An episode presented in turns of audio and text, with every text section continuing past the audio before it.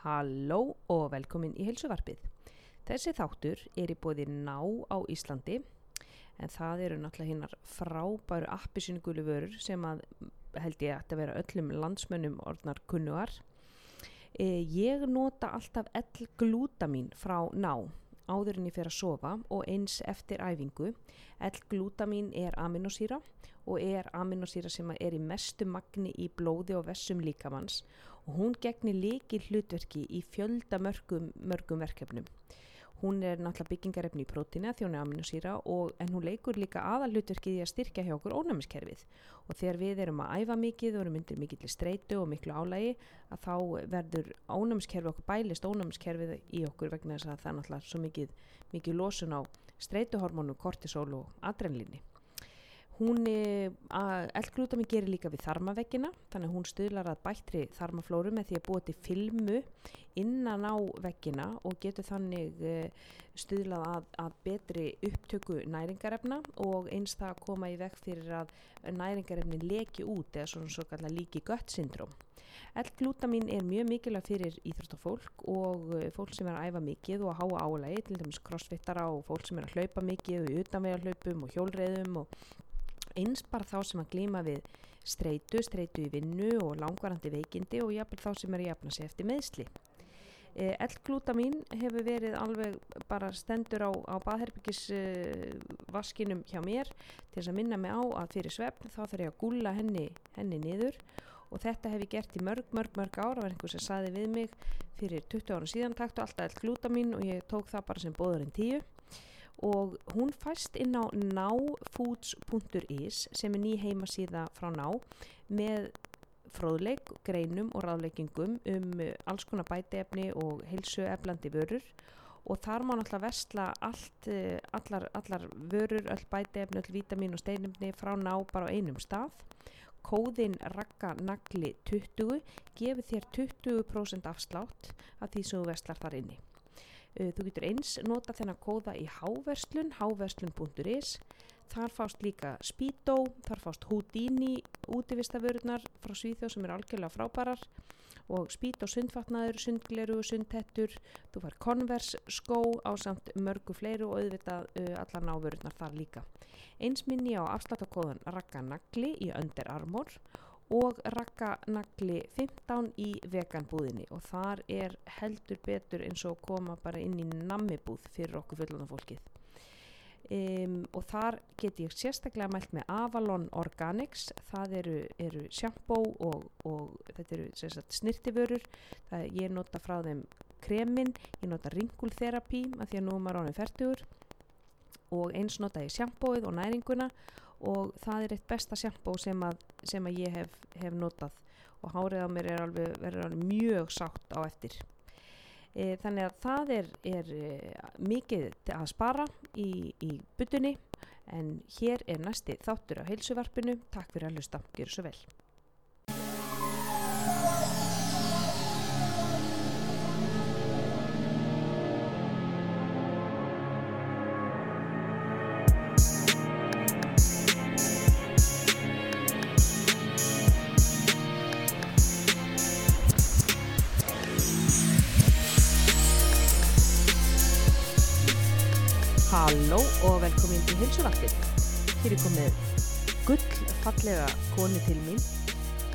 Bæði greind og, og skemmtileg og hún heitir Magga Gnar.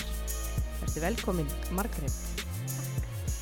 Magga Gnar er landsmönnum örglega vel kunnuga samfélagsmiðlum. Hún er náttúrulega með risastóra fylgjandahópa á, á Instagram.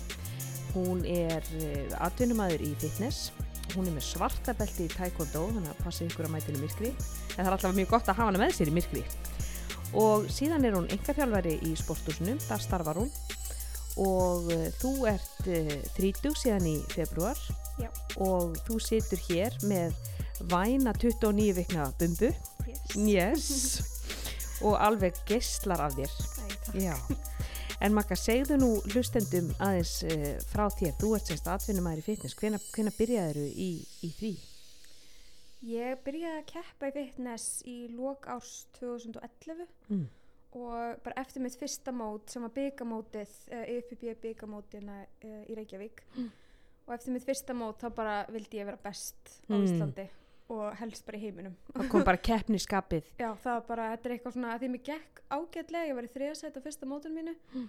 og ég svona, þú veist, var að skoða aðra keppundur, sérstaklega svona atvinnumenn í þessum geira, í mm -hmm. model fitness eða bikini fitness eins og Mhm. mm kallast og hérna, og ég skoða þær og ég hugsaði með mér, ég get alveg, ef þær geta þá, þá get ég þetta já, og hérna gott ég- sjálfströst í þessari koni ána með þig. Já, og ég hérna bara ákvað að pröfa bara þú veist, að sjá hvað gerist Mhm. og hérna setti mig bara markmið að reyna að keppa á svona sterkustu mótunum og, og hérna og svo bara einmitt sjá til hvað gerist gera Já. alltaf bara mitt besta. Já. Og þannig kemur keppniskapið frá taekwondo-inu inn í, varst, þá varstu búin að vera að æfa taekwondo í mörg mörg ára eða hvað já, ég var, hafi verið í taekwondo alveg í svona sjö ár og var búin að vera í landsliðun alveg Vá. í svona sex ár Mm. og hérna unni nokkra íslensmeistara titla og, Mm. og hérna og, þannig að þú hafið kynst í hvernig var að vera best já, já, og mér langaði rúslega mikið að vera bara fyrst íslendingu til að fara uh, hérna ólimpileikana í taekwondo já, já. en það var svolítið svona þú veist, ég var ekki með komin á það stig að geta farið að reyna á það að það fannst mér að vera eitthvað svona aðeins svo mikill pakki og, og hérna ég hefði þurft að flytja til útlanda og sá það ekki alveg fyrir mér eitthvað Mm. að ég geti gert það sko mm.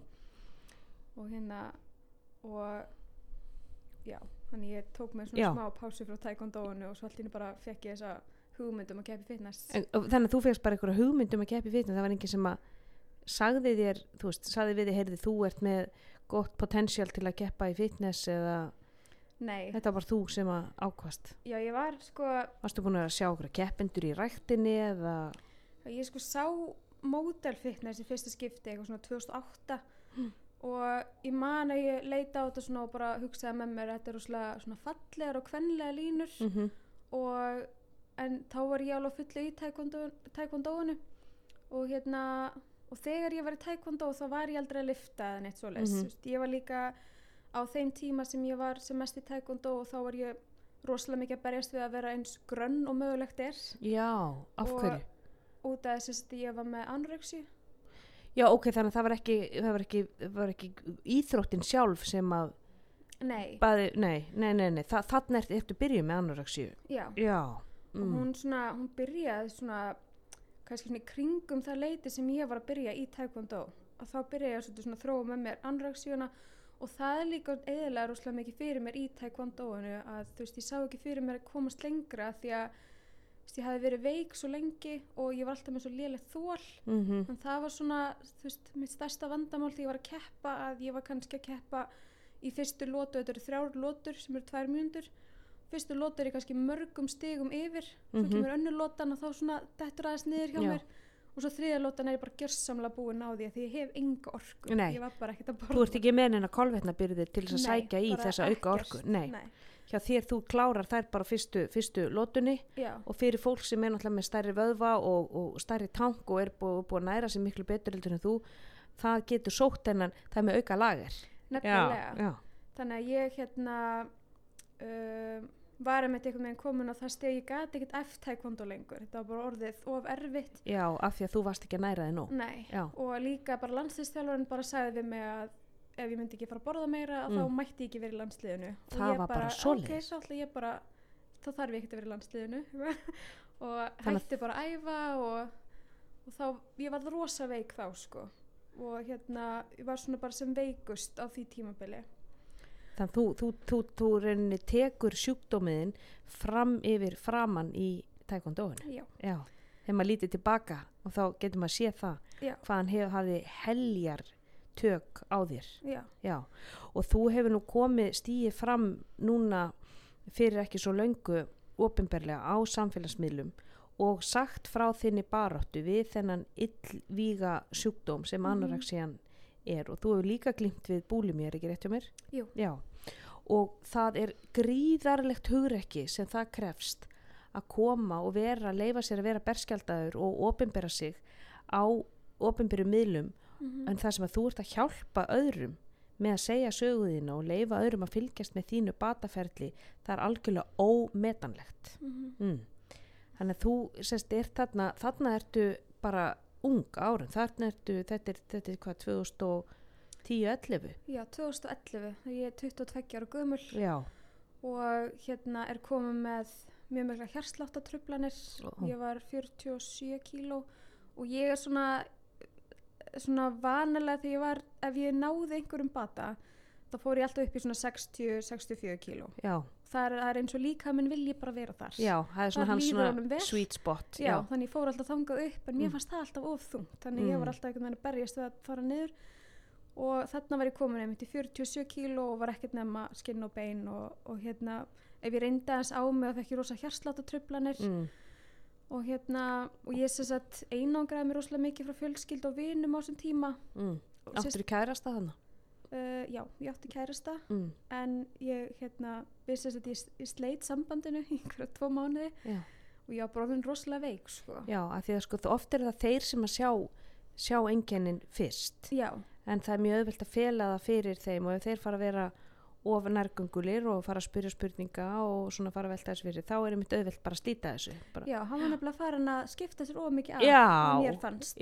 ég bara, þetta er bara búið. Já, og ég var einmitt, í, ég bjó ein í einhverja tvo mánuði og þá var ég bara, það var ég og bara, við vorum bara saman allan daginn og svo sem sagt ákveði ég að fara í ammælisbúið hjá hérna litla bróðum mínum og þá hefði fjölskyldum hann ekkert séð mig mjög lengi. Mm, og ég kíkja hann að þetta og, bara svona svipurinn á öllum. Mm, það var svona bara eins og þau bara höfðu rosalega miklu áhyggjur og svo komst ég að því að sýsti mín, litla sýsti mín sem er þrem árum yngri en ég bara brotnaði niður eftir ég fór. Já, að því hún hjælt bara að stóra sýsti sín var að fara að deyja. Já, af því þú varst orðin svona óbóðslega grönn og, og veikburða. Já. Já, og ég hérna það var, það, það var svolítið svona, var svona, svona fyrsta svona wake up call fyrir mig því áður hefði reynd að ná bata frá ádröskun en það var einhvern veginn ekki alveg fyrir mig eða það var einhvern veginn, að ég veit það ekki það var oft bara svona því að vera að skipa mér að ná bata já, og ég var undir eitthvað svona eftirliti já En þú ert ekki gert eigin fórsendum Nei. nei.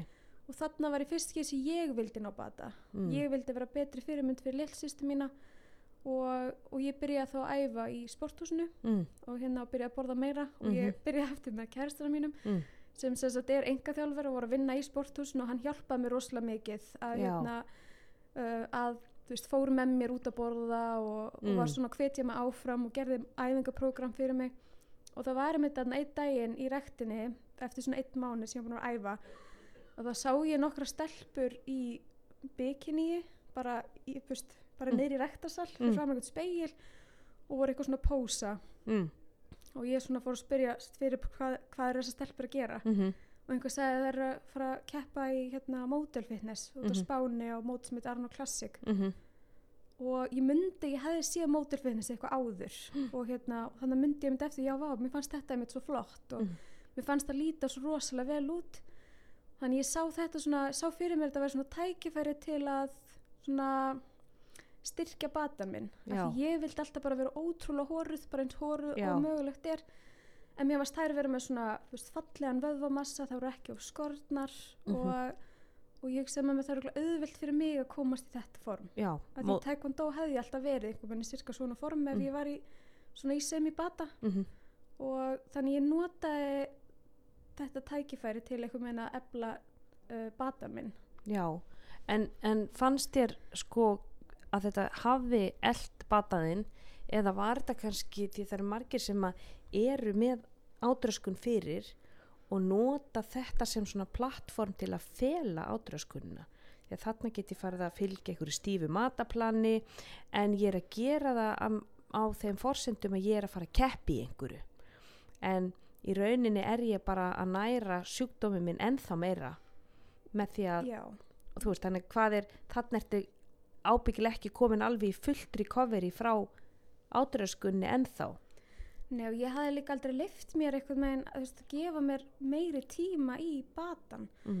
og ekkert einhvern veginn alveg þú veist uh, einhvern veginn reynd að upplifa þetta frelsi með mat og æfingar ég var Nei. alveg ennþá með einhverju svona stíft regluverk ramma. já, alltaf einhver rammi mm. Og svo hérna og ég sá það ekki fyrir bara í fyrra kannski þegar ég byrjaði þú veist, að ná virkilega, virkilega um bata Mm. að þá sagt fór ég svona yfir söguna mína og ég átti sagt að einblýna á söguna mína og sjá uh, tímabila sem ég held að ég væri bata Mm. en svona aðeins að skoða það var Mm. ég í bata eða var ég, veist, var ég ennþá í stjórnunni já, og ég svona að sjá það alltaf betur og betur bara þarna held ég að væri bara geggjum um bata já, en það var samt þessi þráhyggja já. og, Og, já, og það er mjög auðvelt að, að veita henni í eitthvað farveg og þarna er og sko, fitnesskefni eru fullkomin farvegur til þess að fela átröskun nefnilega Já.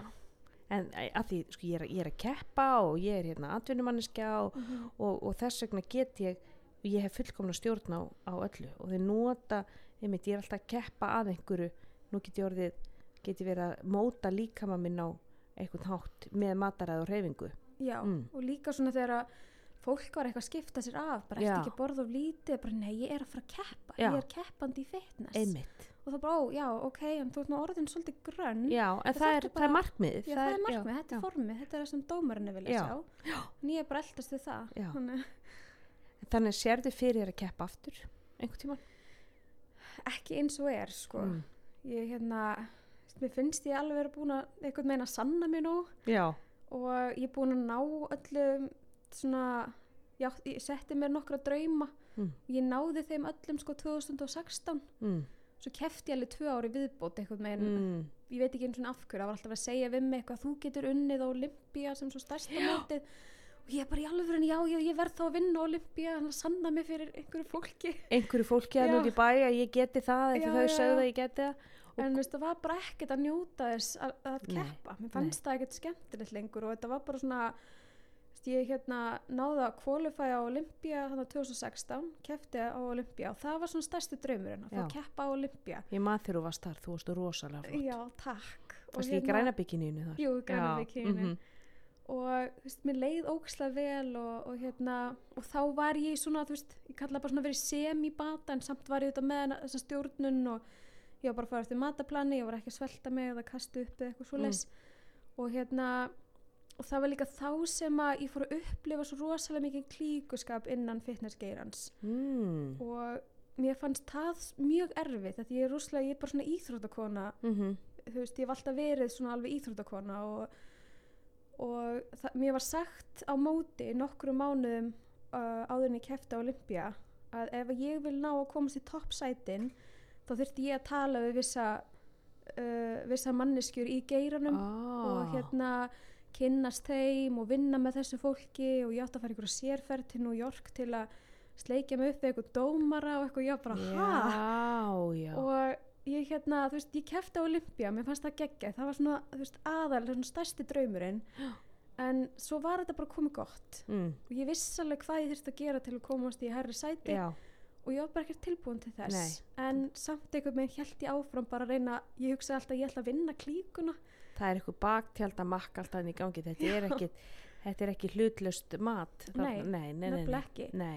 og það mér var gefið fullt af einhverjum ráðleggingum það er mjög leiðilegt að heyra Ha? það allt alveg sama hvað þú myndir leggja á því og í hvaða formu þú kæmir og hvort þú væri flottust á sviðinu þá ert aldrei að fara að vinna þetta vegna sem þú ert ekki, ert ekki undir í réttum réttri klíku eða Nei. það er, nei, þú þekkir ekki rétta fólkið. Oft, nei, og ég Mhm. hef svo oft fengið að heyra það þú veist, auðvitað þannig eftir Olympia þessi tvö ár síðan kefti að þá var verið að segja við mig bara, hérna, þú ert bara, ég sé ekki fyrir mér að neitt sé að fara að vinna þig á næsta móti mm, en ef einhver er að fara að vinna þig að þá er það bara út af klíkuskap. Já, og það er svo leiðilegt það er svona maður sér ekki pointið veginn í að Nei. þegar maður veit þetta. Nei. Maður er svona ok og þú ferð þarna að, að sérst, byrjar að keppa 2011 og, og ert alveg til ársins 2017, 18 að keppa 18, já. 18, já. þannig að þetta eru sjö ár Já. sem þú ert að keppa og þarna er ádraskunin hvernig lítur hún út á þessu sjö ára tímabili sko hún var rosa mikið upp og niður og hérna ég sem sagt mér fannst ég hafa verið mjög góðum bata fyrstu tvö árin ég Mhm. hérna seinast þegar að, mér fannst ég hafa tekið bara mjög góðan svona niðurskurð fyrir mót það var fyrir heimsmeistramóti 2013 Mm. og mér leiði rosalega vel á því tímubili en þú veist þá var ég samt bara lífið mitt snerist bara um þetta mót það var bara ég Mm. vaknaði og hugsaði um þetta mót og ég æfði einu svona dag og svo var ég bara með mataplana mitt og þá var mér að æfa pósuna mínar og ég hugsaði ekki um neitt annað mm, mm, en hérna eftir heimsmeistaramótið Mm. þá ég sem sigra heimsmeistaramótið og fæ þá tækifæri til að gerast atvinnumæður mm, og það var þá sem ég byrjaði að finna fyrir svona pressunni. Einhvern veginn, ok, ég er hún atvinnumæður og ég er að fara, mm.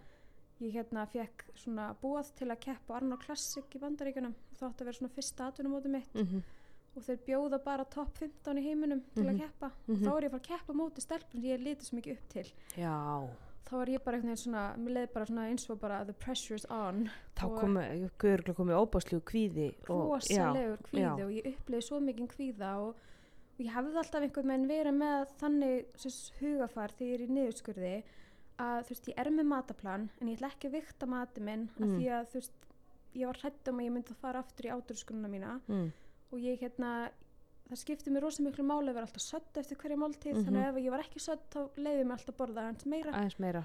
Og ég sagði það alveg við þjálfara minn Mhm. á þeim tíma og hérna ég hefði bara einu svona dag, ég vildi ekki vera að taka einhver rosa mikið af brennslæðingum Mhm. og því ég vissi að það myndi íta undir áturskunum mína. Já, af hverju, af hverju myndi það í dundar áturskunna um, að því að þegar ég var sem veikust á áturskunum þá var það eiginlega bara brennslæðingar sem ég var að gera. Já, en það er eitthvað trigger fyrir þig. Já, já, og já, svo sem þetta fer ég niðurskur fyrir svona mitt fyrsta atvinnumót og það er fyrir keppmóti bara bestu keppundum í heiminum. Mm og ég hef alltaf tekið svona 12 vekna niðurskurð og fyrstu 6 vikunar þá bara ég hefði verið bara að gera sama og ég gerði fyrir heimsmeistaramóti ég hefði verið að gera alltaf um, en það var bara ekkert að gerast. Nei. Nú líka minn komin í algjört var reppelmót já, hann nú lokar hann. bara, Já, nú lokar hann nú sjoppinu sko. já, hann gefið þér nefnilega löngutöng sko. Já, já, já, já, hann gerir það það sko. var alveg þannig. Já, já, og þjálfurinn minn á þeim tíma sko, hann, hann bjó á býr á Akureyri. Og hérna og hann kom ekkert svo oft til Reykjavík til að mæla mig. Mm og ég líka mældi mig ekki sjálf að því ég Mm. vissi að það verið trigger. Það er trigger. Mm áturskunum mína, en ég let, let bara hann mæla mig og ég steg aldrei á vikt eða neitt svoleiðis. Mm. Og svo er ég búin í sex vegna niðurskurði og hann kemur og mæla mig og það var ekkert búið að Ekkert að breytast. ég var ekkert nei. að köttast, ég var ekkert að léttast ég var búin að þingjast aðeins. Mm og þá, þá sagði hann við mig "Heyrðu, við þurfum þá bara, þú setja þess meiri bara brennslu í já, æfingarnar og þetta er fyrst skýt sem þú þarf að fara að taka morgun brennslu og mér, ég var alltaf stolt að ég þurfti alltaf að taka, taka morgun Já, brennslu og eitthvað svona, veist, mér fannst ég var að gera þetta svo heilbriðan hátt, sko. Hann að byrja að taka morgun brennslu og ég fór að mynda meiri þrá ekki gagvart matnum, ég Já. fór að vikta matið minn að því vildi hafa allt 100% mm og þetta var rosalega erfiða sex vikur. Já þannig er þú líka farin að hugsa byrju, er ég að gera eitthvað, er ég að gera eitthvað rámt er eitthvað að Já. hjá mér, get ég gert eitthvað aðeins betur, ég fer að vikta matið minn betur ég fer að gera meiri brennslu. En á þessum tímapunkti er líka með þinn hann er komin í algjört uppreisnar mót Já. og hann þú ert bara komin í það sem heitir metabolic damage. Já bara þú ert komin í adrenal er svona Mhm. nýrnahetturnar hjá þér eru bara orðnar bara á lónýtar skilur, það er búið, að, búið að seita út svo mikið að streituhormónum Mhm. að nú er hann bara að loka fyrir fytubrennslu því að hann upplifir bara ógn Já. og þegar hann upplifir ógn þá þarf hann að vera með baktryggingu hann, þarf, Mhm. upp, hann þarf að vera með sko bara einhverja innistæði í bankanum og hvað er baktryggingin okkar? Það er fytan Já. líkamsfita Mhm. er ekki að vinna illa líkamsfita er einfallega geimsla á hitaeiningum ef að ógn skildi bera að og Mhm. að við þurfum að lifa einhvern tímann líka með okkar er bara að láta okkur lifa af það er hans eina Nefnilega, hlutverk í já, lífinu akkurat. já, og þá fór ég líka að fá svo rosalega svona kreyfings í óhallan mat Já. og ég fór að upplifa svona, mér langaði bara að gjörsamlega missa mig mm og ég hefði upplifað búlimi og svona átköst í búlimi áður Mm. mm. því ég var með anorexju og þarna byrjaði þú veist það að koma aftur upp mm. Mm. ég fór bara að skoða rosalega mikið af mat á netinu, svona kallast food porn og, já, já, jú, jú og svo kom bara þeim tímapunkti eftir mót sem að ég bara misti stjórn já, og þá eitthvað meginn byrjaði búlimían að koma aftur inn og svo var þetta bara eitthvað meginn svona vítarhingur sem ég var í þannig eftir mót þá missur stjórnina þá, hvernig leit það út? Var, varstu þá að taka stór átköst beint eftir mót og kasta síðan upp? þetta byrjaði svona hægt og rólega. Þetta byrjaði með því að ég fór og fyrir með pítsu með stelpunum sem voru að keppa með mér. Og, og þetta var bara veist, ein lítil pítsa Mhm. sem er ekkert eitthvað það hræðilegt. Mhm. en fyrir mér fannst, mér fannst það svo hræðilegt að því að það var einhvern veginn ekki í prógraminu það var ekki, þú veist, í rammanum mínum einhvern veginn, þannig að ég bara fann fyrir svo mikil það verður svona ba bannaði matur, hræðslu matur já, og hérna, og þá svona byrjaði búlimían svolítið að koma aftur inn. Kastaður þá pítsunni upp? Já, já, og svo sagt var það þannig að ég eftir þetta, þetta er sagt 2014 þá var ég svo mikið að berjast við að reyna að vera í bata. Mm og fyrir mér var batin að ég væri ekki að taka þessi átköst og kastu upp. Mhm, en eins og segir, líka mann er bara í, veist, hann er bara að reyna að halda manni lifandi Já. og það er bara eðlilegt að hann sé að reyna að láta mann borða svona mikið. Hann er að knýja því hann til er þess að bara borða. vill sapna í Mhm, fytuforðan já. mm veist, ef ég er að fara að svelta mig aftur þá vill hann vera með eitthvað svona backup plan Mhm, sko. Og ég fatt að ég held alltaf að ég veri með eitthvað svona binge eating disorder Mm. eitthvað svona ofátsfíkn og, mhm. og hérna, og ég var alltaf einhvern veginn að berjast við þetta. Og ég gerði mikið grein fyrir það sem ég þurfti að gera til að komast yfir þetta var að bara byrja að borða. Ég var alltaf ég var alltaf bara í megrun. Já, þú varst alltaf varst alltaf að sko, borða of lítið já, miða við þína brennslu, þú getur ímyndaðir þú ert að taka morgunbrennslu, þú ert að lifta setnipartin þú ert, þú ert sko með eh, líka með þinn þú ert sem íþróttamaður getur ímyndaðir hitaeininga þörfina sem hann þarf mhm, og þú ert að sneiðan um jafnvel sko þúsund 1200 hitaeiningar já, á dag.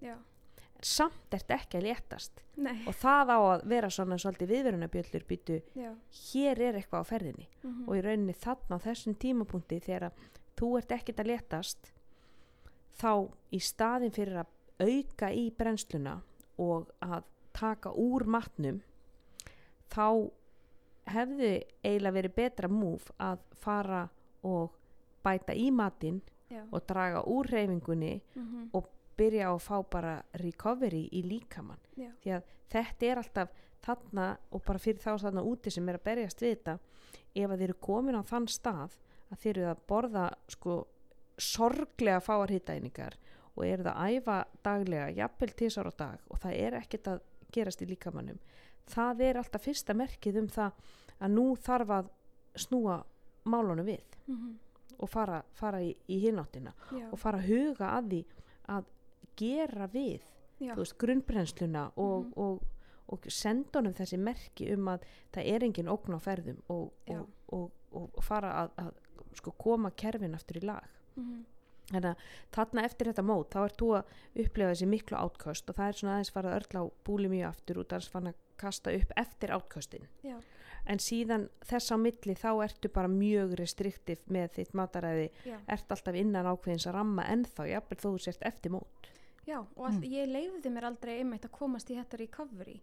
Ég var alltaf þó að þó að ég að ákveða nú ætlum ég að taka mér bara nokkra mánu pásu frá því að keppa þá var ég samt alveg ennþá að var ég með eh, þennan ramma og ég var alltaf að skrá allt inn í MyFitnessPal og Mm. passa mm. borði ekki á mikið hitæningum og alltaf æfa tvisur á dag og og varst þarna að hefa tvisar dag já, og ég, jafnvel þó verður ekki að fara að keppa á já, mér fannst ég bara ég verða að því ég líka um, ég var alltaf haf- ég hafði alltaf svo miklu áhyggjur af því að ef ég skildi vilja keppa á einhverju móti mm, bara eftir þú tvo mánuði tilbúin. þá væri ég tilbúin já, og ef ég skildi þú veist að þetta er líka mjög, þetta er mjög dýrt sport mm að ef ég hefði efna á því að fara okkur móti eftir tvo mánuði þá ég bara já ok, þá er ég, veist, þá er ég tilbúin. Já.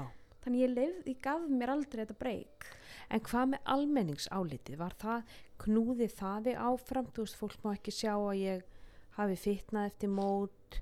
Þú veist, ég er náttúrulega er að æfa hérna í sportu sem allir eru búin að fylgjast með mér fyrir mót og þeir eru búin að sjá mig í mínu toppformi, alveg sko brunguð og hefluð og skorinn og allt það að ég þarf að viðhalda þeim status var það eitthvað sem að, var það trigger að knúði það þig áfram Já, algjörlega og líka á sko samfélagsmiðlum að því Mm. ég var alltaf ég byrjaði að nota samfélagsmiðla til að svona mögulega geta fengið einhverja sponsa til að hjálpa Já. mér að komast á mót og ég var ekkert eitthvað svona að reyna að eignast rúslega mikið af followers eða neitt svoleiðis og ég var bara að posta því sem ég var að gera og Mhm. ég var alltaf ótrúlega skorinn mm -hmm. þannig þær myndir sem fengu flest like voru svona myndir af því ég var að sína kviðvöðvana. Mm að ég var alltaf rosalega, ég var alltaf rosalega skorinn á því. Já, Mhm, og það var bara, fekk, fekk ég óksla mörg læk og með leiðin sem ég verð að vera þessi mhm, alltaf. mhm. Ef ég er ekki með kviðvöfa, þú veist, þá mun ég örugglega missa followers og eitthvað svona kjartaði. einmitt, þetta er Og- rosa skrítan hugsan það fá það Já. allir, já. Og þú veist, það er vorulega ákveðnir aðilar í rektinni sem voru alltaf hrósa mig fyrir hvað ég liti vel út og, mm og hérna það var einn í rektinni sem var alltaf að kalla mig eitthvað keppnishest eða eitthvað og Já. sagði bara, þetta er eitthvað svona genatist genatískur keppnishestur og og þú ferða sko kannski að tengja þetta við sko þitt svona þína sjálfsmynd. Já, ég er keppnishestur, já, ég er þessi skorna. Ég er þessi flottu, ég verða að viðhalda þeirri sjálfsýmynd já, til þess að viðhalda þessu samþykki mhm, frá þessu fólki kringum mig. Já, og maður fer að þrýfast á því. Og við förum að verða svona ákveðni rósfíklar líka. Þannig ef að rósið hættir er það merkjum það að ég sé að gera eitthvað. Er ég, eitthvað, er ég orðin eitthvað öðruvísi? Er ég, Mhm, er, er, er, er ég farin að bæta á mig eða af hverju er fólk ekki að rósa mig lengur? Já, og þetta getur hættur hvort sem fólk er að keppa eða hvort það sé að reyna að grenna sig mhm, að þetta getur ofta orðið svolítið hættulegu ve- vegur að feta að tengja sjálfsmyndina við líkamlega útlitið. Já. Og þetta var rosa mikill ótti hjá mér. Já. ef ég bæti hans á mig og einhver hættir að rósa mér. Mm. hvernig mun ég takast á við það og hvernig mun mér líða og, mm -hmm. og ég, ég vildi einhvern veginn ekki fyrir að díla við það. Þannig ég, bara, ég ætla bara að vera alltaf í geggjuðu formi. Já, einmitt.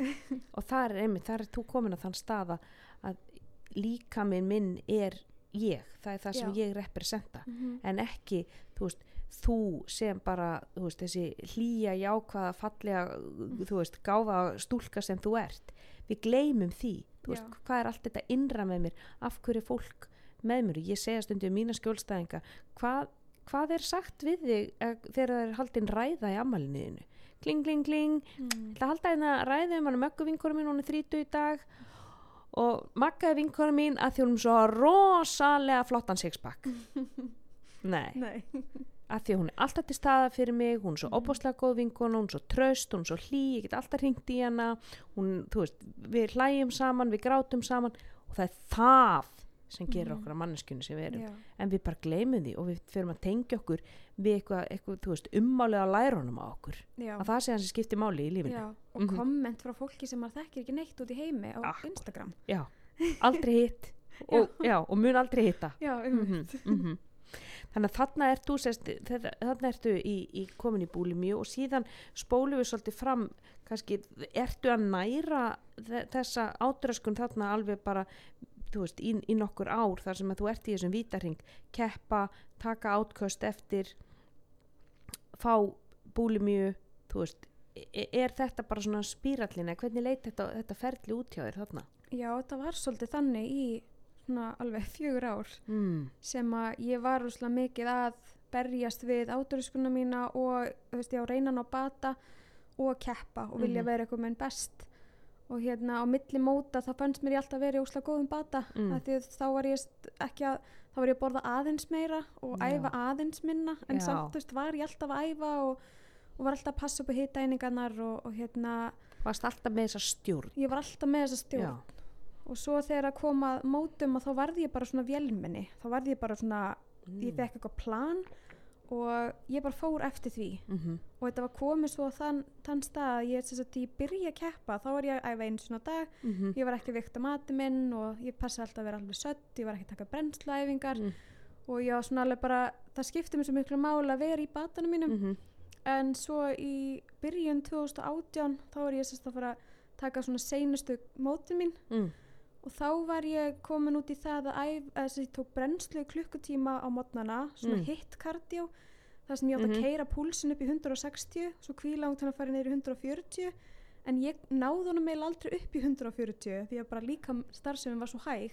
Já, þannig ég var að keira svo mikið ég var að, þú veist, ég var að íta sjálfur mér svo mikið áfram þannig að þú varst í lotu þjálfun eins og kalla svona Já. high intensity interval training mm -hmm. þannig að þú ert að taka, þú veist, okkur spretti eða eitthvað svo leis, keira púlsin upp í 160 já, og það var sérst viðmið sem þú áttir að fara upp í og Já. svo á milli áttir að kvíla og náninir í 140 og taka það næsta sprett já og, þú ég, náðir aldrei púlsinum upp í 160 eða nei, ég hann ekki upp í 140 þú sko. náðum ekki upp í 140 það var bara, ég hérna ég tók alltaf þessa brennslæðingu á mótnana mm. og líka á kvöldin og svo á milli þá var ég að lifta í klukkutíma og það er einn vinkona mín sem er lögrullkona sem Mm. að hérna, henni langaði svo að hitta mig en ég hafði engan tíma fyrir félagslíf þannig ég sagði þú getur komið með mér á æfingu þú vilt Mm. og ég útskýri hvernig æfingar ég er að taka og hún Mm. svona, að, mér langar að pröfa þessa brennslæðingu sem þú ert að taka á mótnana Mm. Og ég eitthvað, já, ok, ekkert mál. Og svo kemur hún annað og bara eftir svona korter þá sagði hann bara, maður get ekki meira, ég er að fara að kasta upp. Já, og að, mér fannst ég aldrei að gera nóg að því ég náði ekki púlsunum upp í 140 einmitt. Og, og hún er lögurkona örgla í fanta formi já, rosalega, hún var alveg bara full í crossfit Mm. og, og ég hérna og hún er bara búin að því eftir kortir já, að hún þurfti þá bara að kvíla sig aðeins og, og hérna. Og ég sem sagt ég æfði það mikið að ég uh, byrja að fá rúslega skrítin líkamlega enginni, ég var farin að fá svona vöðvakippi, mjög stóra vöðva svo í bæsepinn og, og kvats og svona og, og hérna svo byrjaði að fá nálat of í hendunar hann að hendunar mína bara mynduðu svona hnefa. Já, og það var rosalega vant að losa sig við hann og ég vissi ekki hvað var í gangi. Ég held að ég væri með B12 vitamin B12, já það er eitt einkenn á honum já, mitt, já, því að ég er vegan sko. Þú ert vegan, já. Og ég hérna þú veist en ég hugsaði með mér Lestu mæla það B12 þarna á þessum tíma þegar þú fer að upplifa þessi einkenni nei ég fór að taka bara meira B12 mm. ég var með svona spray og ég var með töflur og, og hérna en þetta var ekkert að lagast þetta var bara verra og verra Mm. og ég byrja aftur að fá þessar hjarsláttutrublanir sem Mm. ég var með þarna því ég var sem veikust af anræksjönu og ég skildi ekki hvað var í gangi og, og var rosalega þreytt og hérna og svo ákveði ég daginn bara ég ætla að fara upp á heilsugjæslu og bara fá B12 vitaminsbrautu Mm og ég var búin að lesa um þetta á netinu og ég Mm. viss um að þetta verði B12 -hmm. vitaminsbrautu Já, já, og ég þú tikkaði þetta er öll einkenni sko, tikkaði öll vaksin, já nefnilega. Þannig ég fyrir upp á heilsugjálstöð og hérna í árbænum og ég spyr hvort ég megi bara fá B12 vitaminsbrautu og þau eitthvað, ha, hefur Mm. fengið áður? mm. Bara nei, nei, en, en ég veit að ég er með B12 vitaminskort út af Mm. þessum einkennum Mm -hmm. og þau spurðu mig hvort það verið lægi, ég myndi bara fara í blóðpröfu fyrst til að alveg svona bara, þannig að það sé alveg potti að þetta sé B12 Mm og ég sérst fyrir í blóðpröfu á föstu degi og hérna þau sögðu við mig að sérst læknir sem ég talaði við hann sagði við mig slaka bara á um helgina ég Mm. er búin að útskýra fyrir hann hvernig ég er að æfa Já. og sem hún fannst vera freka mikið Já. og hérna, þú veist ekki, ertu til í að slaka á um helgina Mm. mm. já, ég tek bara létta æf- æfingar ég skal bara taka svona venjulega brennslæfingar Mhm. þú veist þannig að 60 mínútur um morgunin og um kvöldi og á laugadeginum að þá er ég sérst að taka brennslæfinguna mína en ég ákvað að fara bara að stiga vélina mm. og hérna, styrmaster og, og þá fór mér að líða virkilega illa eftir svona 20 mínútur og þá eru allir litir og skærir og ég var Nei. hægt að skinja hvenar fætunir á mig snertu jörðina. Og ég bara ok, það er kannski að aðeins að leggja sniður og ég leggist niður í sófani í sporthúsinu og láð þar í einhvern klukkutíma og þá er ég bara ok, nei, ég ætla bara, ég ætla bara að kvíla mig um helgina. Já, og svo mánudeginum ringi læknir í mig og spyr bara Margrét er allt í læg með þig? Já, og ég bara, já, ég er bara mjög þreytt. Ég er bara bara að liggja upp í sófa bara í tvo daga. Já. Og þá segir hún mér sko að, að ég sé með hættulega látt kaljum Guð minn góður, já. Og hún sagði að þetta er bara það látt að ég hefði alveg getað fengið hjartáfall þannig að, Þannig að það sem að þú ert að upplifa þarna er bara hættulegur kaliumskortur já, Já, og fyrir það sem ekki vita að kalium er potassium Já.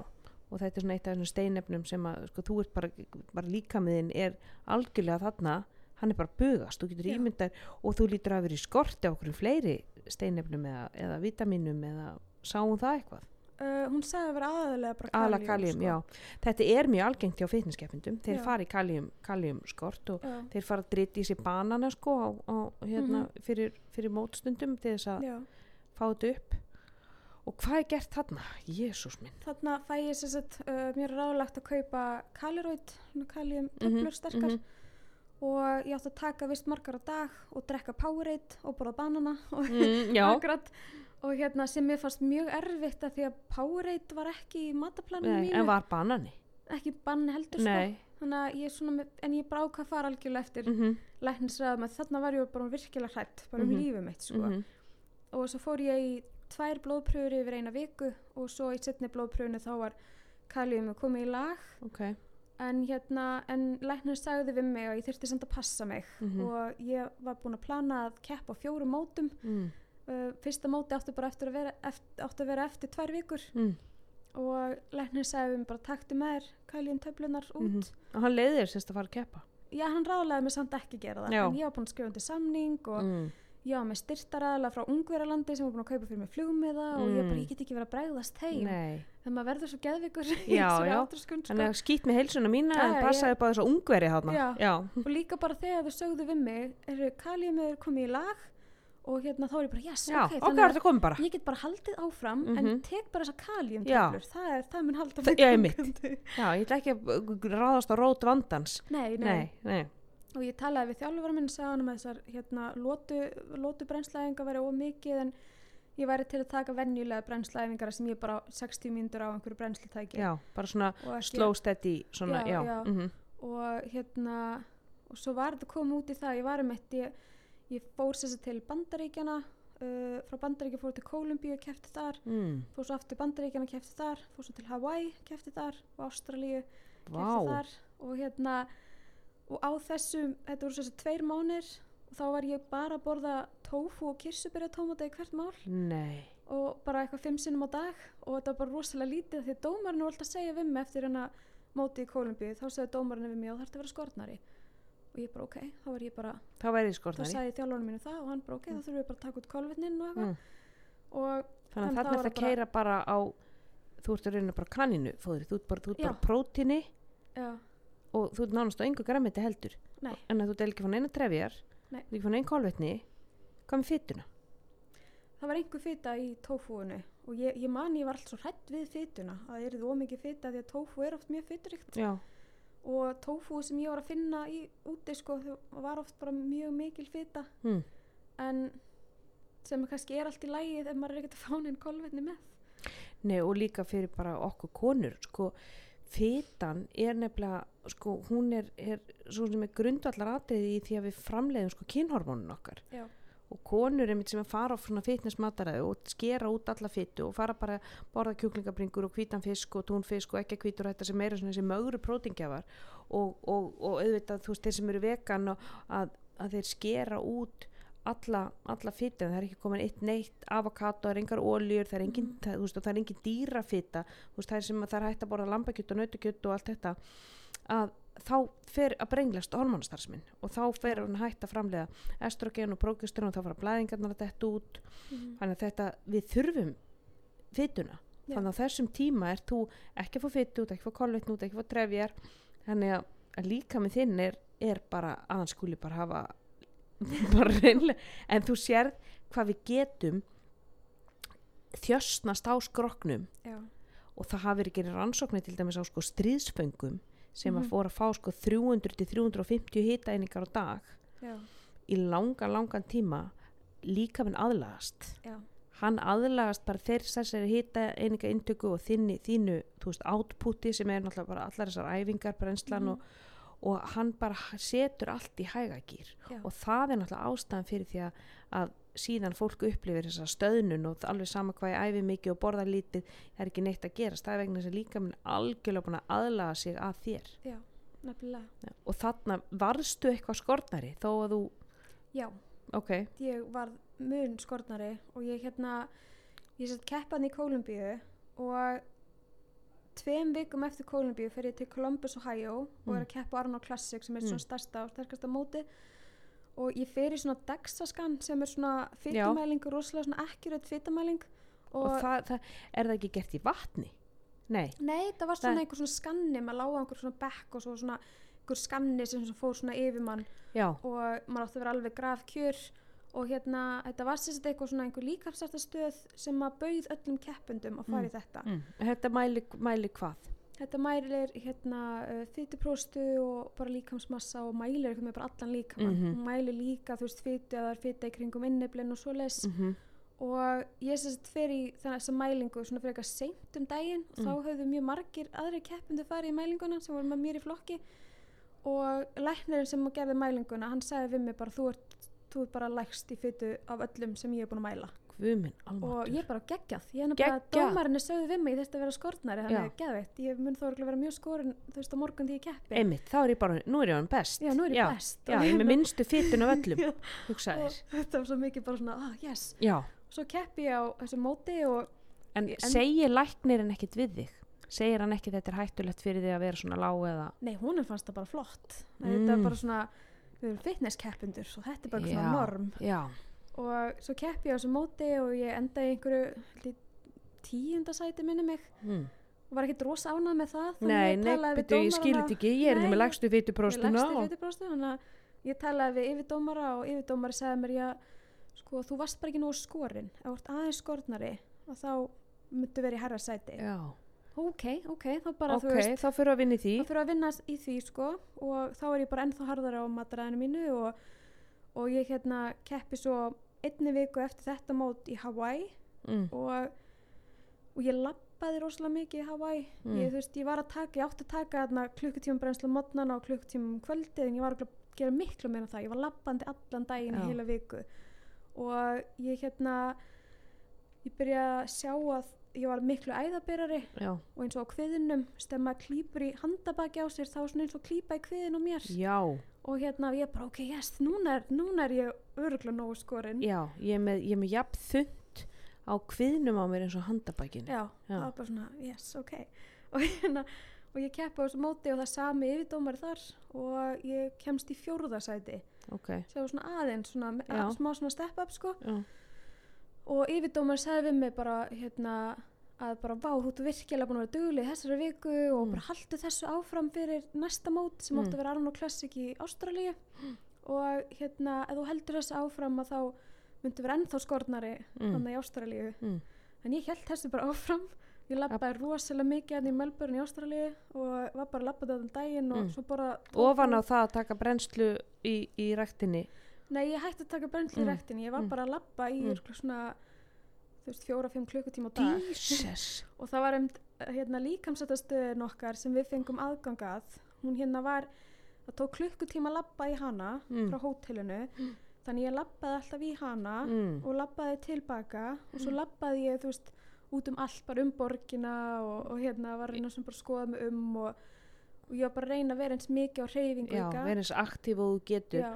Hvað ert að borða margar hitaeiningar þarna á þessum tíma? Um, þetta voru svona 1200 hitaeiningar 1200 hitaeiningar Já.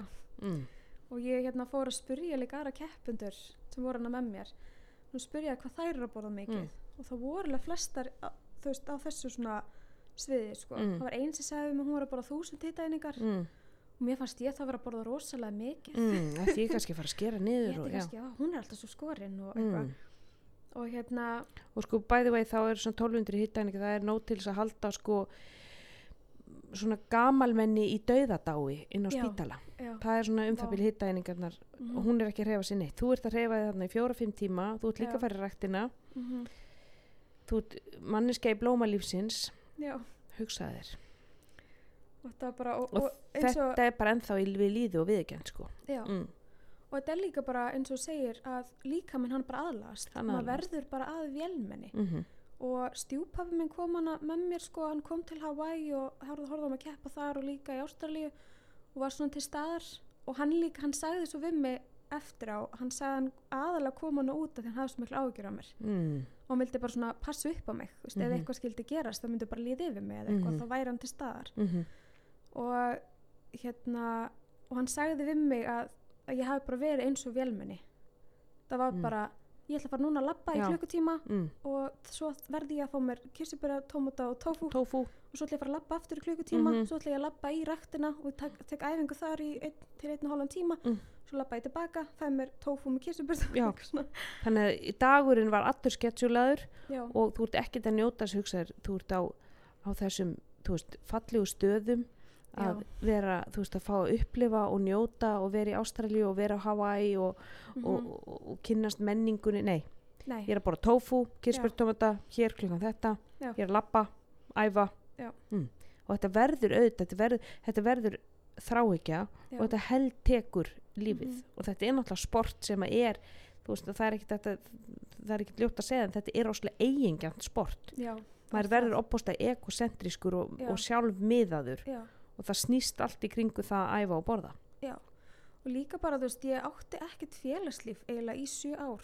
Nei, hugsaður ef að, ef að mér var bóðið í matabóð að þá gati ég ekkert mætt að því að mér fannst það bara óþæld að því ég var alltaf einhverju sérstöku mataræði mm -hmm. og fjölskylda mín var farin að bara elda sérstaklega fyrir mig eitthvað svona Mm. auka, eitthvað svona spes fyrir mig. Mm og til þess að ég myndi mæta. Mm. ég var ekkert að sinna fjölskylda eða vinum ef að vinkonum mínur voru að halda upp á ammæli sitt þá treysti ég mér ekki til að koma þannig að þú vil fórst ekki eins og nei, því ég mátti ekki bóra kökur og Mm. mér fannst það bara óþægilegt og ótrúlegt, ég á svo, svo ótrúlega gott fólk í kringum mig Mm. að þau öll bara svona voru alltaf rosa bara kærleiksir í gagvart mér -hmm. og líka því þau vissu flest öll að ég væri bara með ádröskun og þau var búin að þekkja mig líka það lengi. Ég var með ádröskun áður en ég fór fitness mhm, og þau þekkti þetta alveg, þau vissi Mhm. alveg hvað var að gerast mhm. og þau voru alltaf bara svona býð eftir að ég myndi hætta þú veist, að keppa. Var enginn sem að kom til þín á þessum tímapunkt og sagði við þig ég held að þetta, sé, þetta sport sé ekki gott fyrir þig eða finnst þér að vera að gera mikið eða er þetta, þú veist, var enginn sem að svona, var enginn intervention? Nei, ég held að enginn hafi þórað því sko. Mm. voru kannski fólk einhvern veginn að svona kommenta á hvernig ég var að borða Mm. og þá fór ég rosa miklu að vörn mm, og einmitt sagði við, bara, þetta er bara sem maður gerir maður er bara fitnesskeppandi Já, það var kannski aðalega mamma mín sem að mm, hún var mjög svona um, hvað segir maður svona áhyggjufull já, áhyggjufull Mhm. og hún sagði bara sem hún var að hugsa Já. hún sagði bara, ég er bara rosalega miklu áhyggjur að þér Mhm. ég bara, mamma, slakað á, þetta Já. er bara þú veist, ég er ógeðslega heilbrið sko. Já. Ég er Og alveg með ég þetta, er bara íþróttumæður Mm. og svona bara það sem við gerum mm og þú ættir nú að sjá aðra stelpur sem eru að gera Það hitt er bara þetta. miklu minn en ég sko miklu minna, Mhm, þú veist, ég er mhm. bara 1200 hitaðingar, Mm. hún er bara 1000 sko. Já, þessi Eitthvað- 800 sko, brenna þrísóta Já. já, já og þú veist þannig að þorði held ég enginn að segja neitt Nei og fyrir líka meðal mannin sem að þekkir ekki þetta sport og veit ekki þá er þetta náttúrulega óbúslega auðgangkjönd að horfa innum, innum búðagluggan og sjá hvað þetta fólk er að gera skilu Já. ég er bara hérna og ég meina mamma þín er eflust bara hinn venjulega húsmaður út í bæ sko, sem Mhm. að bara borðar sína máltíðir og, en fyrir fólk þá, þá er þetta náttúrulega auðvitað fara að ringja þetta er ekki heilbritt og, og þetta Mhm. er náttúrulega sport og allt, allar íþróttir eru að það er alltaf, verður alltaf að vera ykkur öfgar Já. skilur, ég meina er sprettlaupari sem að þarf að, veist, að, að, að æfa 12, 13, 14 sinum í viku og auðvitað, þetta er ekkit holdt fyrir líkamann, Nei, alveg hvað sport maður stundar, þannig er þú að líka keppa mörgu sinum ári, ár eftir ár eftir ár. Mhm. en getur verið að þarna hafi verið bara átlett fyrir þín átröskun þar sem þú gast bara haft hana algjörlega í friði og einmitt þegar fólk er að skipta sér að mér að þá hef ég alltaf þetta. Nei ég er bara að keppa. Já. mm. Já, og það er algjörlega, mér fannst ég vera svo heilbriða því að þegar ég var með anorexíuna Mm. fyrir uh, mörgum árum áður, þá var ég sko að borða miklu minna. já, Þannig þetta var eitthvað svo miklu meira en það og það fannst Mm. mér ég vera svo góðum bata. Veist, ég var Já. með anorexíu þá borðaði ég eitt epla á dag. Það var bara, veist, stundum fekk ég mér hafragraut á mótnana mjög lítið, en vanlega var þetta bara eitt epla eitt epla dag Og og var það þegar þú varst bjóst ein og varst búin að hætta með kærastanum og, Já. já þá kefti ég bara einhver sjö epli fyrir Já. vikuna. Og svo Það var það bara það sem ég borðaði. þannig að, að þú keftir sjö epli borðaðir eitt epla dag og, og þar varstu þá ekkert að upplifa hjartstáttatrublanir, Jú, sjóntrublanir þá byrjaði ég að fá hjarslatatröflanir. Ég fekk ekki sjóntröflanir, þá var ég ekkert að æfa og ég Mm. bara hreyfði mig líka neitt því ég hafði ekkert orku til þess. Nei, einmitt. Ég, eiginlega eina sem ég gerði var að lappa út í búð og kaupa sér epli. Já. Það er líka ótrúlega þegar að sko, og það upplifa margar sem eru með anoreksi, það, það er að það er hætta að fara í að það hafi ekki orku. Já. Það er bara líka minn, Mm hann dregur úr þér drifkraftin. Já. Þess að þarna er hann aftur að láta þig lifa af, þá veit hann það að þú getur ekki, þú getur ekki verið að fara að hlaupa eða, eða gera neitt. Þú ert ekki með orku til þess. Nei. þannig að við förum svona ósjálfrátt að þessi, þessi litla reyfingi við daginn verður alltaf minni og minni Mhm. hjá konum sem að eru með átröskun og sérstaklega sem eru með anoreksíu Mhm. að þær fara að hætta að fara út í búð eða hlaupa nýr í þvottahús eða skilja þetta verður bara svo erfitt Já. að það er þessi, þessi, þessi kvöldin svona non-exercise uh, activity þú veist það sem er þessi, daglega reyfing Mhm. hún vinkar Já. og það er líka minn hann er svo snjall mm Það var einmitt einn daginn sem ég ætla að ríksuga íbúðuna mína. já, Ég, bara, ég var búin að hálnuði eitthvað og byrjaði að fá svo mikla hjarslatatröflan. Ég gæti ekki meir. nei, Ég þurfti bara að leggja sniður. hugsa þér getur ekki ríksuð Nei, mm. einmitt. og ef það er ekki við erum bjöllum fara samt ekki í gang Nei, einmitt. Og síðan uh, þarna 2018 þá ferðu og leitar þér sérfræðastóðar hvað var það eiginlega til þess? Um, ég var þetta búin að vera svo mörg ár að reyna ná bata og ég var alltaf sannferð um það að ég get náð bata og haldi áfram að keppa. En það var oft búið að segja við mig og ég hefði þess að ég leitaði með sérfræðihjálpar sko árið 2016 að þá hitti ég sérfræðing sem að sérhæfi sig að hjálpa stelpum með átraskanir mm og það er sálfræðingur eða? Uh, hún er félagsráðgjafi og rosalega fær í sínu starfi. Mm og hérna hún ráðlaði mér að hætta að keppa. Mm. en, en sagði samt við mig að þú veist, hún myndi reyna að hjálpa mér Mm. að ná bata en samt þú veist, ég var að keppa því þetta ég tek ákvörðun um það. Mm og einmitt í tvö ár var ég að reyna svo mikið að ná bata ég fór líka í tólspora samtök og hérna reynda að ná bata þar -hmm. og það var bara ekkert að ganga en það var alltaf verið að segja við mig þú verður að borða meira þú, þú getur ekki náð bata þú heldur áfram í þessu að borða svona rosalega lítið Mhm. og æfa svona rosalega mikið mm ég var líka búin að horfa á fullt af YouTube-myndböndum það var Mhm. alltaf verið að segja það sama bara ég genaði bata með því að bara byrja að borða miklu meira og Mhm. bara hætta að æfa og þarna einmitt sko var ég, ég var með hennan kaliumskort og ég var ennþá að fá þessar hjarslata tröflanir samt að taka þessar kaliumtöflur og, mm. og ég hérna var með keppnisréttindi á Olympia 2018 og var alltaf að segja við mig að þú náður fjórðarsæti á Arnold Classic og þá Mm. ert þú farin á toppsætunum á Olympia og, og ég eitthvað með bara kom eitthvað svona dagur sem ég bara að ég mig langar ekki að keppa á Olympia mér langar ekki að líða svona. Nei. Ég var ekki búin að fara á blæðingar í tvö ár. Það er svoleiðis bara. Og mér finnst var eiginlega ótrúlega að það hafi bara verið tvö ár. Já, því að miða við þína sögu sko. Þannig að líka með þinn er, greinilega hann er, er stert í honum. Já Mm. og ég hérna já, bara kom eitthvað svona dagar sem ég bara fyrir hvernig er ég að gera þetta mm ég er Mhm. eiginlega bara að keppa fyrir aðra sem er að segja mér þú ert að fara að ná toppsætunum á Olympia eitthvað svona, ég var ekkert að njóta þess að keppa lengur. Nei. Og líka bara út af öllum þessu klíkuskap og allar þessar, þú veist, allt þetta sem maður var að heyra og allar þessar ráðlíkingar sem maður var að fá. Mér fannst það ekkert aðlandi lengur og mér langaði bara virkilega að ná bata. Fannst þið gaman að æfa á þessum tíma? Nei. nei. mér var búið að finnast mjög leðilegt að æfa í svona tvö ár allavega. Og það var bara alltaf að fara í rektin og var bara svona algjör kvöð. Oh, bara svo að fara í vinnuna. Já, já, og þetta var bara orðið leiðilegt og þannig ég bara því hérna, ég átti mjög gott samtal við stjúpáfi minn og ég sérst bara ég byrjaði að segja fóreldrum mínum frá Mm. bara hvað ég er búin að vera veik. Mm bara við að kenna vandan -hmm. og alltaf fyrsta skrefið. Já, og ég vissi hvað ég ætti að gera og stjúpáfi minn sagði að þetta snýst bara um þú veist, taka ákvörun mm -hmm. bara tekur ákvörðun, þú veist, hvort viltu vera að keppa eða þú veist, lifa. Einmitt. Og ég bara, já, vá, mér langar að lifa. Bara, og þá ertu ekki að fara að keppa. Það er bara ákvörðunin. Nei. þannig ég bara tók ákvörðun og ég sagði þjálfara mínum að ég ætla ekki keppa á Olympia mm hvernig tók hann því? um, hann tók því mjög vel, hann vissi hvað ég var búin að vera veik. Mm og þú veist, hann var að gefa mér eitthvað mataplön og ég var ekkert að fara eftir þeim sko, veist, hann, hann var alveg að segja mér að borða miklu meira, já, ég borðaði miklu minna. Já, og ég var líka ekki treinskilin með hvað ég var orðin veik. Veist, ég sagði hann ekki frá þessum kaliumskort ég sagði að ég fengi eitthvað smá og, en það var alltaf lægi með svona kaliumtöflur já, og bara ok en það er alltaf lægi með því, þú veist, hann líka sagði við mig fyrir þetta mótan í Kólumbíu hann sagði þú þarft ekki að keppa. Nei, Þú ert, ef þið líður illa því með, ég var alltaf að senda honum einhverju pósta bara, mér líður svo illa. Og hann bara, þú, það er alltaf lægi að hætta við að keppa, Já. það er enginn að fara að dæma því fyrir Nei.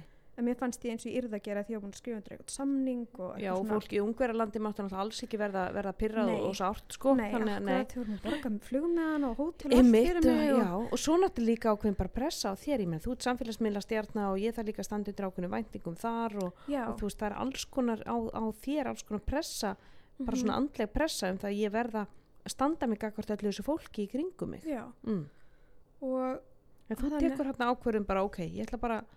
Ég ætla bara, að hætta, ég ætla bara að hætta að keppa.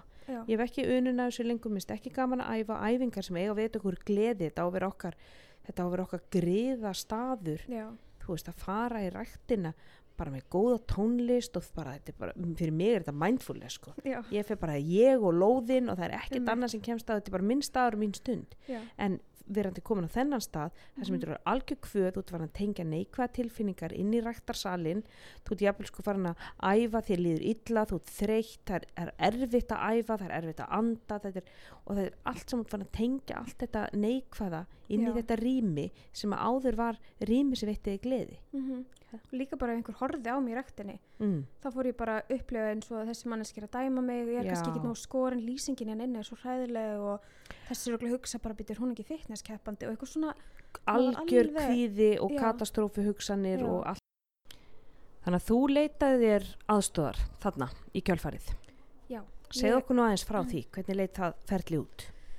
Ég sem sagt hafið samband við heimilisleikna minn og hérna hitti hann og, og sagði honum enn og aftur og hann, hann er búin að að fylgjast með Mhm. mínum ádurskunar ferli mörg mörg ár og, og ég, ég, hérna, ég hef svo oft farið til hans og beðið hann um að sækja fyrir mig eða sagt uh, sækja um hjá kvítabandinu fyrir mig Mm. sem er sagt uh, kvítabandið er ádurskunar teimi landsbítalans og hérna ég fer hana til hans og beða hann um að senda aðra beðni fyrir mig Mm. og hann svona ok, ætlar núna að- þá að fara í meðferðina Er þér í alvara í þetta Það er sinn? alveg verið þetta skipta því ég veit ekki hversu oft ég hef látið hann senda beðni og það er, það er oft sko svolítið beðtími hjá Mm. þeim og alltaf þegar það komið að því sem sagt svona ég sæki um eða fæ hann til að sækja um svo býð ég nokkra mánuði svo á ég kannski tvo góða daga Mm. þá ringjaðu í mig og svo heyrðu við erum hérna með plást fyrir því á kvítabandinu og ætlaðum að þú vilt ekki nýta það og það bara nei, nei, nei, ég er bara, þú veist Þetta er bara komið á mér, Þetta ég er er góð. komið hjá mér en ég þarf ekki á okkur að halda og svo bara daginn eftir er ég aftur hún slæm Mhm. og þannig að ég bara ég, ég var alveg bara ákveðin í því að ég ætlaði að gera allt til hann á bata Mhm. og ég þurfti að býða í sex mánuði cirka Mm. eftir að komast inn í kvítabandinu og á þeim tíma þá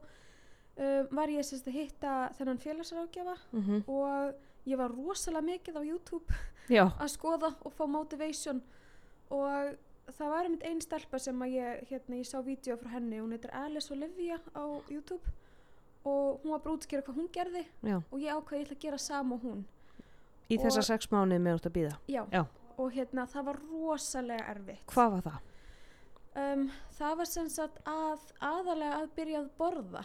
Og hérna og hún sem sagt þetta var í fyrsta skipti sem að ég komst að því í raun og veru hvað sagt af hverju ég tók alltaf þessi átköst Mm. þegar ég var búin að vera svelta mig svona lengi og þetta kallast þess að extreme hunger Já, og þetta var rannsakað í hérna rannsókn sem er kallið The Minnesota Starvation Já, Experiment þekkt. Já. þannig ég las rosalega mikið um það horfði Mhm. mm öll YouTube myndbönd um þetta þessa rannsókn og hérna og það voru sér sett uh, sjálfbúðaliðar sem að uh, buðu sér fram í þessa rannsókn og þá fóru þeir sér sér gegnum tímabila sem að þeir eru bara að borða eðlilega og svo áttu þeir að fara bara áttu sér sér að lækka hita einingarna Mhm. verulega Mm alveg niður í 1500 til 1600 hita einingar og þetta var allt svona bara sterkir kallmenn sem Mhm. voru bara að sinna sinni vinnu og sínu daglega lífi og, og hérna og þegar hitaeiningarna voru lækkaðar svona mikið þá fóru þeir allir að, að hérna svona ádraskana hegðanir Já. Og hugsanir. og hugsanir Mhm. og hérna menn sem kannski elskuðu að horfa á ameríska fótboltan fór alltaf inn að horfa á The Food Channel það Já. var svona aðalmálið og drekka rosalega mikið vatn með máltíðunum sín reyna að fylla magan og tyggja tyggja og drekka kaffi og ég bara vá, þetta er bara þetta er bara alveg Þetta eins er bara svo ég. Já, já. já. og svo áttu þeir að fara að borða eðlilega og þá uppliði rosalega margir og örgulega allir þetta extreme hunger og Mhm. það voru, það voru menn sem að þeir borðuðu það mikið að það var allavega eitt sem að fór upp á spítala þannig hjálp bara mægin sinni var að fara að springa Já, þeir, þeir tróðu sig þeir út. tróðu sig út og þetta er einmitt bara það sem að þú veist, þetta er bara líkaminn að reyna að lifa bara að reyna Hann- að survive Já, og hann er ótrúlega hvernig hann reynir að fá þess til að surviva því hann fer að planta þér hugsunum um mat líka. já, Þú eru ekki að upplifa það. Þú veist, maður fara að dreyma mat, já, hugsa um mat og ymmit í þessari rannsókn. Þe aðal umræðuefnið hjá þeim í rannsókninni þeir voru að skiptast á uppskriftum og þeir voru Já. að tala um mat og Já. þeir voru að skoða, þú veist, þetta var alltaf tíma, fyrir tíma internetsins, þeir voru að Mhm. skoða uppskrifta bækur og bæklinga já, þeir eru algjörlega obsessed af mat þetta bara var svona einmitt. þrá ekki hjá þeim já. Mm.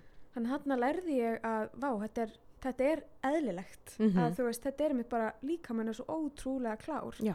og hann er bara, þetta er bara sem hann ætlar að gera hann vill bara að þú borðir eins mikið og mögulegt er svo hann getur bætt í fytuforðan þannig ef þú ert að fara að svelta það aftur þá er hann tilbúinn. Akkur, hann er með tryggingu já, hann er með trygginguna. Já, mhm. þannig að og eina leiðin til að komast í gegnum þetta tímabil það er að borða. Mhm. og það fannst þér erfitt? það fannst mér rosalega erfitt og ég þyngdist mjög hratt á stuttum tíma. Hvernig var það að þingjast svona hratt á þessum stutta tíma? Hvernig var það fyrir konu sem var svona búin að samsama sína sjálfsmynd við líkamann að hann væri alltaf skorinn og flottur og eins og varst að segja á hann hvíða hugsaninnar, býtu þess er að horfa mig er ég ekki nóg Mhm. flott, þú veist, alltaf þetta er ég ekki nóg, ekki nóg, ekki nóg Já. það var rosalega erfitt Mm. af því þá líka til dæmis í veist, að ég, er, að ég vinn sem enga þjálfari og ég er alltaf í ræktinni mm og ég hætti sko, ég hætti að æfa á þessum tíma því það var líka svona hún ráðlaði að maður myndi bara hætta að æfa Já, af því að líkaminn þarf að nýta alla orkuna til þess að bara gera við mm líkamann Já. og hérna uh, gera við brennslukerfið og meldingkerfið og Mhm. allt þannig að Mhm. bara og líka hormónadarsemina því ég var ekki búin að fara á túr í Nei, tvö ár. tvö ár sko þannig að ég var alltaf að næði þú veist ræktinni og þessir aðilar sem höfðu alltaf verið að hrósa mér hætt að hrósa mér Já, mér varst það mjög erfitt og það var eitt sem að uh, í vinnunum minni sem að hérna sagði við mig í daginn, ég var búin að þingjast þá einmitt, bara um ykkur 10 kíló mm. og hann spurði mig Magga, hvað ertu eiginlega að borða? Þú ert orðin svo stór nei og ég bara, mér fannst þetta bara ótrúlega erfitt og Já. ótrúlega sárt Já, og hérna, ég, það sem ég notaði var ég hérna horfði rosalega mikið á ákveðna manneskjur á YouTube sem að ég, þú veist, ég sótti svona motivation frá þeim mm -hmm. Og þetta voru einmitt allt stelpur sem þurfti að fara í gegnum þetta extreme Mm. hunger og þurfti að fara í gegnum þetta uh, að þingja svona rosalega mikið Mhm. og það var einn sem var svona einmitt, hún Alice Olivia sem var svolítið extreme case og hún sko, hún vatnaðist rosalega mikið, Mhm. þyngdist mikið, Mhm. hún fekk rosa mikið af akni, Mm þessi bólum og hérna það gaf mér svona motivation að þú veist, ég vissi að þetta mun líða hjá Já, og þú veist, ég þarf að þingjast og líka mann þarf að gera við ímislegt til Og- þess að, að, að, að hann komist í, komist í sko, bata ferli. Og það er mjög eðlilegt að halda í vökva sko, það er líka hans leið til þess að Já. hann, er, hann heldur í vökva hann, þú, þú, þeir bjúast og þú ert auðvitað ert að borða, þú ert að borða meiri kolvetni líka, Mhm. fer að borða meiri kolvetni. Og þannig líka minn sveltur á kolvetnum til margra margra mánaða að sko hans kolvetna þól og úrvinnsla á kolvetnum er orðin svo skert hann sko kann ekki að melta og ferla og kolvetni heita náttúrulega kolvetni, þau binda Mhm. vökva Já. þannig að þú fer að binda ennþá meiri vökva heldur en manneski sem er vöndi að borða Mhm. sterkju alltaf Já. þannig að hann kann ekki alveg, alveg láta það tekur smá tíma Mhm. komast yfir þetta tímabil Já. það sem er bara, ok, ef ég horfa á kartefli og þá er ég komið bjúg, skilur Já, og hérna og þær tölu allar um þess að þú þarfst að oversjúta svona set pointið þitt. Já. Og þá er bara að tala um að það eiga allir eitthvað svona ákveðið bara svona theory, svona set point theory. Mm þar sem það eiga allir um, eitthvað ákveðið svona set point í þyngd. í þyngd. Og hérna þitt var svona hvað, 64 60 til 64 já, að það var svona mitt set point. Og þegar ég hugsaði úti þá hafði það alltaf verið svona eftir ég fór í gegnum breytingaskeiðið þá man ég eftir ég þyngdist upp í 64 kíló mjög hratt. mm -hmm. þegar ég var að fara í gegnum breytingaskeið og var eitthvað minn alltaf þar. Mér varst það að vera of þungt samt Já. og eitthvað svona bull. En ég syns þetta mitt bara þau skilabóð sem ég var að fá frá þessum YouTube stelpum var að þú byrjar að þyngjast mjög mikið Mm og svo þá bara líka mann að treysta þér aftur. Þetta Mhm. er bara svona ákveðið tímbil sem þú ert að vera gegnum. Þú þarft að þyngjast yfir þitt set point og svo þegar líka menn er orðin bara svona rólegri og er bara komin í betra standa þá myndu detta niður í þitt set point. Já. og ég vissi mitt ok, mitt set point er einmitt eitthvað svona 64 kíló Mm. og það er akkurat það sem gerðist. Já, sem var ótrúlega, þú veist, ég var bara ég held bara í þessa þessa von. í þessa von að bara, ok, að því ég var svo hrætt við ég myndi aldrei hætta að borða. Ég bara, að því ég var að fá þessu ofátsköst ég, ég fekk mér alltaf kvöldmat sem var þess að hérna bara stór diskur af og það var akkur bara matur sem ég var rosa mikið að kreifa, veit ekki af hverju en það var tofu mm, tofu, sæta kartöflur og paprika Mm. og svona eitthvað grillu paprika og ég var alltaf bara, þú veist, þetta var bara svona seramóni að fá Mm. með kvöldmati minn mm og þetta var alveg stór diskur af þessum mat og svo var ég ótrúlega sött en ég varð að borða meira því ég var Mm. með þetta extreme hunger bara Mm. líka með sagði bara borðaði meira -hmm. þannig ég fekk mér annan disk, alveg jafn stóran og stundum fekk ég mér þriðja diskin mm. svo var ég bara gössanlega búin á því já, og að þurfti bara að í rúm. og við bara lasta hliðarlega og ringi mömmu þína bara, Já. já, en svo fór þetta að minka Mm. og ég, einmitt, ég þyngdist rosalega mikið ég þyngdist upp í einhver um, ég fór sér satt úr því að vera einhver 53 kíló upp í 67 kíló Mm á mjög stuttum tíma og líka minn hjælt mér þar í smá stund -hmm. og svo byrjaði að droppa niður í 64 já, og svo var ég 64 í marga marga mánuði og það Já. var bara eins og það líður honum bara vel já, og þá var ég ekki lengur að fá þessi átköst og, og ég var ekki að telja hittæningar mm. Þannig ertu komin sko bara í gott jafnvægi já, og þú með góða heilsu. Það er ekkert sem lítur betur út heldur en að vera við góða heilsu. Nei, þá fer bara líka minn að vinna með þér og þú fer að glansa og glóa og maður sér það bara á þér núna. Þú bara glansar núna, það er þetta allt ennum manneski ég sé fullt að myndum að þessu varst að keppa mm, og maður sér það bara. Það vanlíðanina sem að og þú lítur að sjá það sjálf þegar þú skoða tilbaka myndir.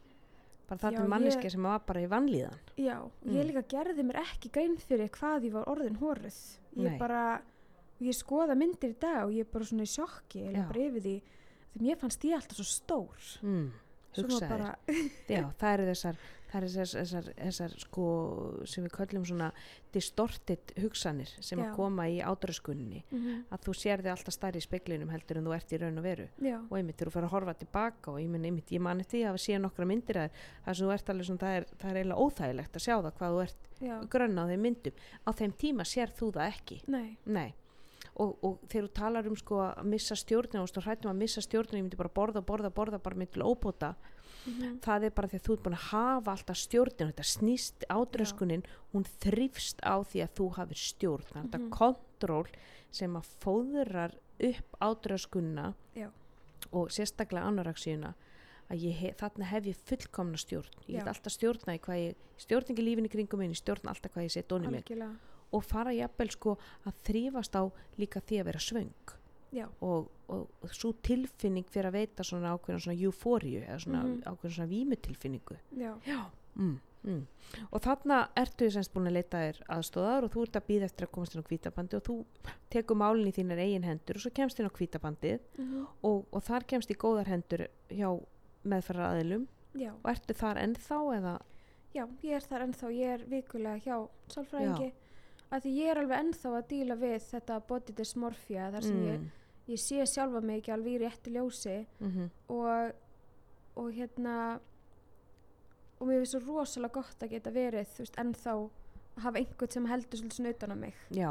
Að því að ég var með ádröskun í um 15 ár mm og ég Mhm. get ekkert bara náð bata bara 1, 2 og 10 sko. Nei, þó að líkamann er komin í gott stand að þá er hausin ennþá ég fæ alveg ennþá hugsaninnar og ég fer stundum alveg í þráhyggju. Mm og stundum er ég svona að gleyma að borða eitthvað svona, það, maður er alltaf eitthvað meina að grípa sig. -hmm. og hérna og það er einmitt ádröskun getur svo lúmsk og maður er kannski komin í rosa góðum bata mm. og svo fattar maður bara allt í einu bara vá, ég er búin að vera í viku bara að borða allt og lítið. Og, og þú veist, maður er alltaf eitthvað meina að grípa sig og svona bara svolítið afruggla sig. Já, og ég er alltaf að reyna að hlusta á innsæði mitt og reyna bara að fara eftir því sem líka mann segir mér. Já og þekka triggerana þína líka. Já, það er náttúrulega gríðarlega mikilvægt að þekkja það hvar, hvar er það sem að ádraskunin gerir vart við sig. Er því þegar ég skoða ákveðnar veist, ákveðnar reikninga á Instagram er þegar ég Mhm. sé aðra fitnesskeppundur er það ég þú veist, byrja að æfa mjög mikið er, veist, það eru alltaf fullt af triggerum og einmitt að vera með þessu óbáslega miklu meðvitund. Að býtu þarna, Þarna kom eitthvað. Já, Já. mér sem bati snúast svo mikið um það að maður er einmitt alltaf að grípa sig já, og maður er alltaf að læra. Að því áður þá ég átti svo ótrúlega mörg moment í mörg mörg ár þar sem að ég var að fara að sofa og ég hugsa með mér á morgun ætla ég að ná bata. Já, á morgun verður lífið frábært ég ætla að borða svona margar máltíðir og ég ætla að passa upp á þetta og hitt og svo eitthvað mér bara gekk það aldrei upp. Nei og þá fór ég að rífa mig niður fyrir að hafa ekki náð einhvern veginn mínu markmiðum mm að ná bata og ég svona já, en, en núna þó að það koma kannski það kemur kannski einn dagur þar sem að ég held hérna að fæ svona extreme hunger og mér líður eins og ég geti bara borðað endalust og þá fer ég svona pæla við af hverju þetta gerast. Já, og þá hugsa ég út í, ok, hvernig var ég að borða gær eða bara yfir vikuna? Þá kannski var ég veist, að vinna rosalega mikið og var Mhm. að gleyma að borða eða var kannski að bara, þú veist, það var alltaf mikið álag. Mm og þá veit ég, ok, ok, þannig þess vegna er ég að fá þetta extreme hunger og þá verð ég bara að borða já. til að komast yfir það. Þannig að þú ert hægt að hugsa á morgun ætla ég að vera betri heldur bara í dag, Í dag, núna. Já, já, lífið er núna. Já, og ég er þakklátt fyrir þau, þau, þau skipti sem að ég kannski mistig mig aðeins að því ég læri mest af því. Að maður læri, sko, trial and error error er, er því miður þá er það Mhm. besti kennarin nefnilega, já, já, ég hugsa eins og alltaf bara að ég væri ég ætla að vera edru frá ádröskun og ég var með svona sober app í símanum mínum sem ég skráði inn og hérna og svo ef ég kannski misteg mig aðeins þá þurfti ég svona að endur stilla það. Já, þú ert að byrja upp á nýtt. Mm. það var, svo, það var svo erfitt og einmitt bara þetta niður sem fór í gang. Mhm. og það var bara, ó, ég er ömurlega ég sem að standa mig svo vel. En í dag er ég bara einmitt stolt að því. Bara, ok, þú veist, ég, ég þurfti bara að læra þetta í dag. Já og, og þannig verður morgundagurinn betri. Nefnilega, já, já. Veist að maður búið frábært að fá því þú ert svo einlag, út svo hugrökk og það að standa berskjaldar og segja söguna sína, það er bara virkilega virðingavert. Og eins og ég segi þú ert búin að hjálpa fullt af fólki að það er svo margir sem líti upp til þín, út svo flott fyrirmynd og það er svo gaman að fylgjast með þér. Bara hjartast ekki fyrir að koma í heilsuvarpið og til ykkar hlustu góður, takk fyrir að hlusta og þang til næst, verið bless